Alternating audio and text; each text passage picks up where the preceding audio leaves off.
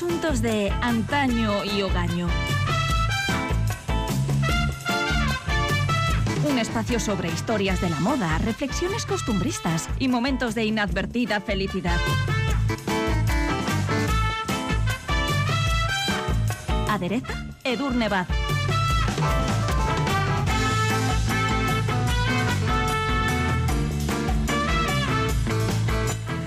Nos encontramos en temporada alta de compras y regalos. Las joyas son, junto con los perfumes, las corbatas o los bombones, uno de los regalos más ocurridos. A ver, claro que no todos podemos permitirnos idénticos dispendios. Edurne Baz, ¿qué tal estás? Pues bien, buenos días. Bueno, mientras algunos nos conformamos con joyas sencillitas o bisutería, los hay que se entregan al más exquisito y caro de los lujos en históricos templos de la alta joyería, como, ¿esto cómo lo tengo que decir? Tiffany, Tiffany Co. Tiffany Co, Ah, yo Tiffany diría. Co. Es un diminutivo, una abreviatura de company, o sea que digo yo que Co estará bien. Y bueno, sus extraordinarias joyas probablemente estén en su gran mayoría fuera de nuestro alcance, pero no su interesante historia. Ahí sí nos podemos meter. Vamos a repasar hoy el peculiar periplo de la que probablemente es la firma joyera más célebre y mediática de la historia desde su fundación en 1837 hasta su compra en 2019 por parte del conglomerado francés de firmas de lujo Louis Vuitton Moet Hennessy. ¿Quién fue el rey de los diamantes? ¿Por qué fue apodado así? ¿Cuál es la singular historia de- del emblemático diamante amarillo de Tiffany? ¿Y qué pinta Beyoncé en todo esto? Diamonds are forever. Hold one up and then caress it. Touch it, stroke it and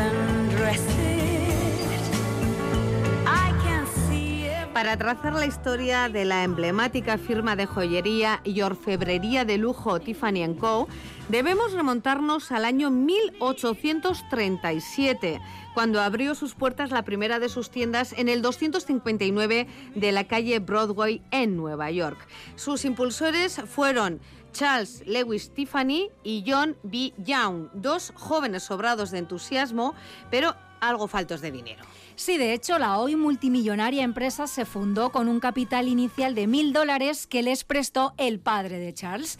Bautizado como Tiffany Young, el establecimiento fue presentado como un emporio de papelería y lujosos artículos de regalo. Entre sus particularidades, cabe destacar un detalle que hoy nos resulta del todo irrelevante porque está normalizado, pero que entonces resultó completamente insólito y es que fue el primer establecimiento que comenzó a marcar cada artículo con su precio de manera no negociable. En 1853, Charles Tiffany se hizo con el control de la empresa, que quedó ya rebautizada como Tiffany Co., y pasó a centrarse fundamentalmente en el sector de la joyería. Su lema era que un diseño hermoso contribuye a tener una vida hermosa. Pero la hermosura no tenía por qué ser, como solía, recargada. No, de hecho, las propuestas de Tiffany tenían como novedosa virtud la sencillez, dejando ya conscientemente atrás los viejos y opulentos patrones de la era victoriana que todavía seguían vigentes en Europa.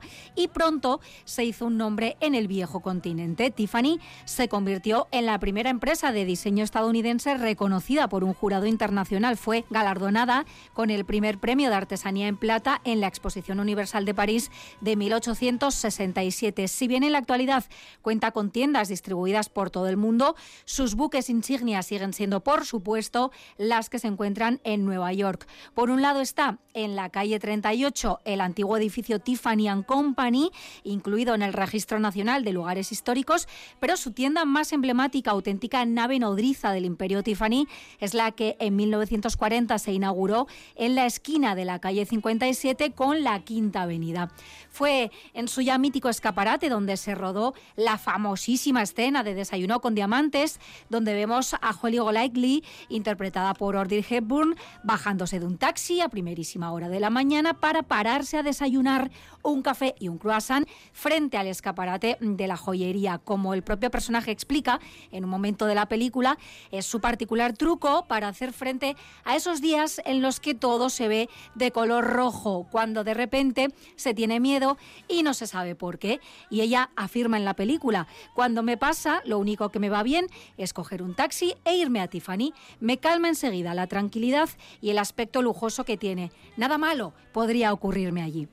La película de 1961, basada en la novela de Truman Capote, se convirtió en un mito indiscutible de la cultura popular y de paso convirtió en mito a la propia Tiffany. Desde 2017, los más mitómanos pueden, de hecho, desayunar con diamantes o al menos cerca de ellos, si es que ese año abrió en la tienda insignia de la Quinta Avenida una cafetería bautizada como The Blue Box Café, que tiene entre sus propuestas, por supuesto, el croissant.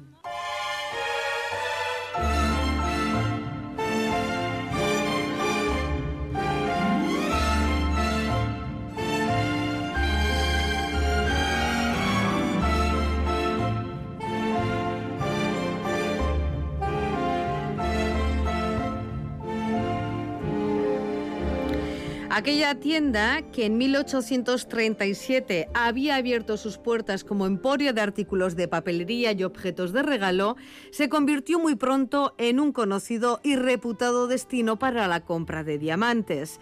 Y es que Charles Lewis Tiffany supo dar impactantes golpes de efecto. De entrada, había adquirido joyas procedentes del desmoronamiento de la aristocracia y las familias reales de algunos países europeos y las había llevado a Estados Unidos, permitiendo así por primera vez que la élite de la nación adquiriera importantes tesoros sin tener que moverse siquiera del país. A partir de ese momento, la prensa neoyorquina empezó a referirse a él como el rey de los diamantes. Años después, en 1887, volvió a convertirse en noticia tras comprar mediante subasta nada más y nada menos que las joyas de la corona de Francia. Y estas codiciadas piezas fueron engarzadas en diseños propios de Tiffany que fueron vendidos entre la alta sociedad norteamericana. Vemos, no perdía el tiempo el pionero y visionario fundador del imperio joyero. En absoluto, entre otros muchos hitos que convirtieron Tiffany en un referente, cabe citar la presentación en 1866 del primer reloj con cronómetro en Estados Unidos. Charles Lewis Tiffany había presentado ya en 1853 el reloj Atlas de casi 3 metros de diámetro, ubicado en la fachada de la tienda insignia de Tiffany en la Quinta Avenida, donde permanece en la actualidad y es el reloj público más antiguo de la ciudad de Nueva York.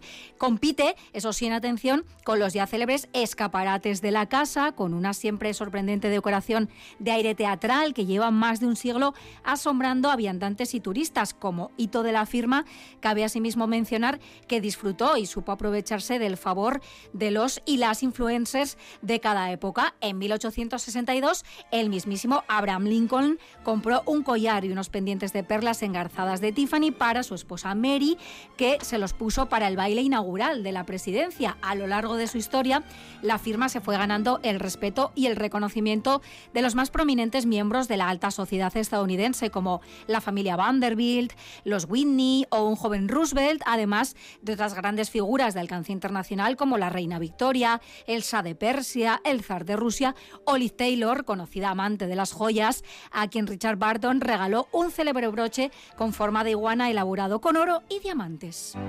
Shine bright like a diamond. Shine bright like a diamond. Find light in the beautiful sea. I choose to be happy. You and Una de las señas distintivas de la firma es su color corporativo, el ya perfectamente reconocible azul Tiffany, registrado y por tanto de uso exclusivo. Lo eligió el propio Charles Lewis Tiffany para la cubierta de su catálogo anual de joyería, el conocido como Libro Azul, que se publica desde 1845 y que fue el primer catálogo enviado por correo de Estados Unidos. A partir de entonces, demostrando una gran habilidad en la construcción de su identidad de marca, la firma empezó a utilizar este color en las bolsas de las tiendas Tiffany, en sus anuncios publicitarios, en las icónicas cajitas en las que se venden las joyas o en cualquier otro elemento relacionado con la empresa como su línea de perfumes que se lanzó al mercado en 2017. Ya en 1906, The New York Sun escribía, Charles Lewis Tiffany tiene en su stock algo que no se puede comprar por mucho dinero que se le ofrezca y este algo es una de sus cajas. La regla del establecimiento es incuestionable. Nunca se permitirá que salga una caja fuera de la tienda con el nombre de la marca sin que ésta lleve breve un artículo vendido por ellos y del que son responsables. La cosa ya se oficializó, si cabe aún más, en 2001 cuando Tiffany colaboró con Pantone, guía universal del color, para crear y estandarizar el bautizado como Azul 1837, símbolo internacional ya de elegancia y sofisticación. Por cierto, el Pantone Color Institute, que decide cuál es el color del año para todas las formas del diseño, ya ha emitido su veredicto de cara a 2022. El color del año será el bautizado como Berry Peri, una suerte de morado claro o lavanda oscuro, fruto de la fusión del azul y de un rojo violáceo. Y si no lo habéis visto ya, pronto empezaréis a verlo por doquier.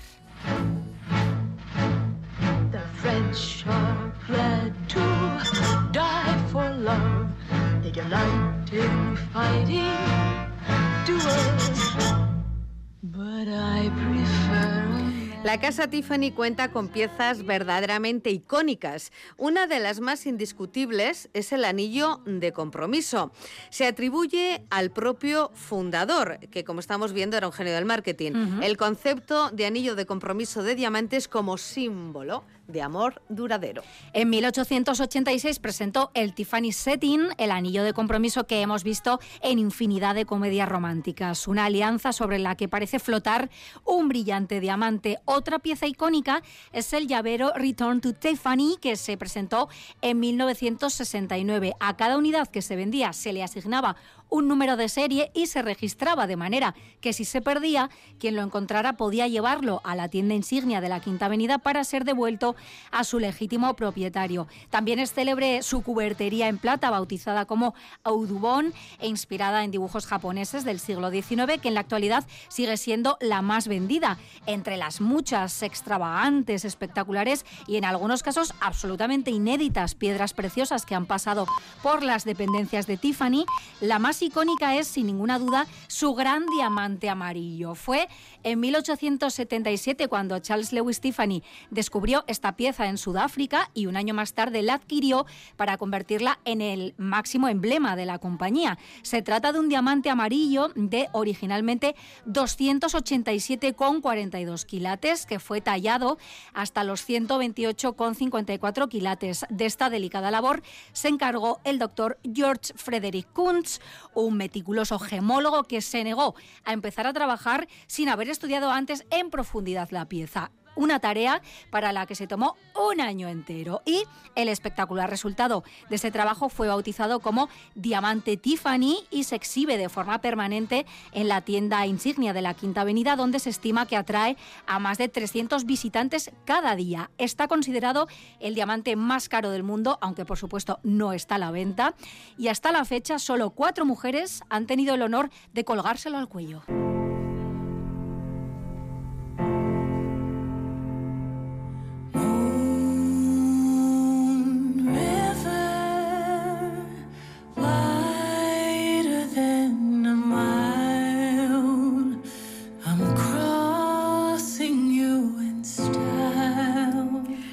Escuchamos una preciosa versión del inolvidable tema Moon River de eh, que Audrey Hepburn inter- interpretó guitarra en mano sentada en el quicio de su ventana en la película Desayuno con diamantes.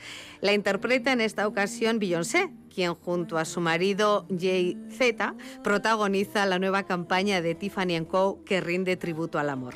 Mientras que el rapero luce un elegante smoking negro, la cantante luce en esta campaña, que seguramente habréis visto ya a estas alturas, un look claramente inspirado en el legendario vestido negro de Givenchy que lucía Audrey Hepburn en la película. Es una revisión adaptada, eso sí, a los gustos y costumbres estéticas de la explosiva Beyoncé, con una silueta de corte sirena, espalda al aire y unos sugestivos y estratégicos cortes a la altura de las caderas. Lo combina con un recogido informal que deja bien a la vista el complemento clave del estilismo, que es el impresionante collar Tiffany Yellow Diamond, como veíamos, la joya de la corona. Y como adelantábamos, Beyoncé es la cuarta mujer que ha tenido el honor de lucir esta valiosa joya en público. La primera fue la rica estadounidense Mary Whitehouse, nieta del magnate de los ferrocarriles Charles Crocker y esposa de Edwin Seldon Whitehouse, embajador de Estados Unidos en países como Guatemala o Colombia. En el verano de 1957 se convirtió en la primera mujer en lucir el diamante Tiffany en una gala benéfica organizada precisamente por la histórica casa de joyería. Cuatro años más tarde, Audrey Hepburn lo lució en el cartel promocional de la película Desayuno con Diamantes. En 2019, Lady Gaga se paseó con él por la alfombra roja durante la ceremonia de los Oscar, en la que vestida con un impresionante vestido negro de Alexander McQueen, se hizo con la apreciada estatuilla a la mejor canción original por Sallow, tema perteneciente a la banda sonora de la película Ha nacido una estrella que ella y su coprotagonista Bradley Cooper interpretaron en directo en aquella gala en un momento muy emocionante y recordado. La codiciada joya ha reaparecido en las imágenes promocionales de la película Muerte en el Nilo, una nueva adaptación del éxito de Agatha Christie, en la que la actriz Gal Gadot luce la que dicen en este caso es una réplica del diamante real.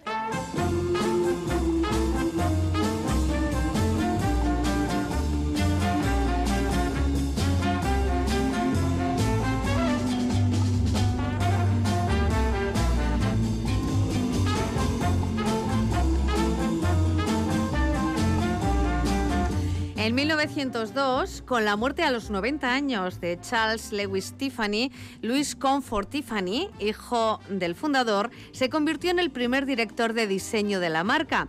No era nuevo en estas lides, ya que unos años antes, en 1882, el presidente Chester Arthur ya había solicitado sus expertos servicios para redecorar la Casa Blanca. El joven Luis se convirtió además en un destacado referente internacional del Art Nouveau, conocido en España como modernismo, un movimiento artístico desarrollado a finales del siglo XIX y principios del XX para cuyos partidarios todo, hasta los objetos más cotidianos, debía tener un valor estético. Como su digno representante, Luis introdujo la joyería artística con piezas inspiradas en la naturaleza y las formas orgánicas. El zeitgeist o espíritu del momento se dejó notar sucesivamente a lo largo de las décadas en los diseños de Tiffany, que no dudó en ir sumando a sus filas a los más prominentes diseñadores, por ejemplo, Jan Slumenberger, que aterrizó en 1956 con sus extravagantes diseños poblados de plantas y criaturas marinas y a cuyo trabajo para la firma dedicó una retrospectiva en 1995 el mismísimo Louvre de París. Otros grandes diseñadores, en este caso nombres que aportaron su talento a la firma joyera, fueron el de Frank Gehry, Paloma Picasso, cuya primera colección, lanzada en 1980, se inspiró en los grafitis de los edificios de Nueva York durante la década de los 70, o Elsa Peretti, fallecida, por cierto, en marzo de este mismo año, y que se unió a las filas de la legendaria empresa de joyería en 1974 con su estética escultural y una recuperación de la plata de ley como un material renovadamente lujoso. También ella fue motivo de una exposición, en este caso en 2009, en el British Museum y en otra variante de prestigiosa colaboración también cabe mencionar que en 1965 Andy Warhol creó las felicitaciones navideñas de la empresa de joyería. Reed Krakow es desde 2017 el actual director artístico de la casa Tiffany, que se ha convertido también en referente en el campo de la sostenibilidad. La empresa fue pionera en el compromiso con la obtención de los minerales de manera responsable y en mejorar la transparencia y la trazabilidad de las piedras preciosas, registrando su periplo desde que son extraídas de la mina hasta que son vendidas en una de esas icónicas cajitas azules. En 2002, la marca decidió no vender corales por el daño que provoca su recolección en el ecosistema marino. En 2003 dejó de comerciar con rubíes y jade procedentes de Birmania por los continuados abusos sobre los derechos humanos que se dan en este país. En 2009, por ejemplo, se opuso a la propuesta de construcción de una mina en la bahía de Bristol, en Alaska, para preservar su ecosistema. Y otro dato también digno de mención, en la actualidad el 70% del personal de la compañía Tiffany son mujeres, algo inédito, de las que además aproximadamente un 62% poseen cargos directivos, entre ellos el de jefa de sostenibilidad, precisamente, o el de gemóloga jefe.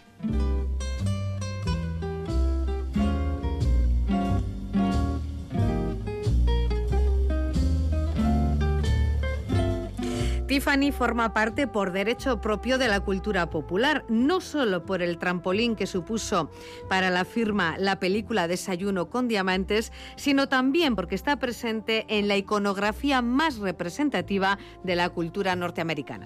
No en vano ha creado los trofeos para las ligas deportivas de la NBA o para la Liga Nacional de Fútbol Americano, en particular y desde 1967 para la sacrosanta Super Bowl. En 2001 también creó las medallas con las que se honró al Cuerpo de Bomberos de Nueva York por su heroica labor tras los trágicos atentados del 11S. Con más de 300 tiendas en todo el mundo, tres de ellas en España, Tiffany no deja de revalorizarse. En 2019 la empresa fue comprada por el conglomerado francés de firmas de lujo Louis Vuitton Moet Hennessy, según ha trascendido por unos 14.700 millones de euros. Una auténtica barbaridad.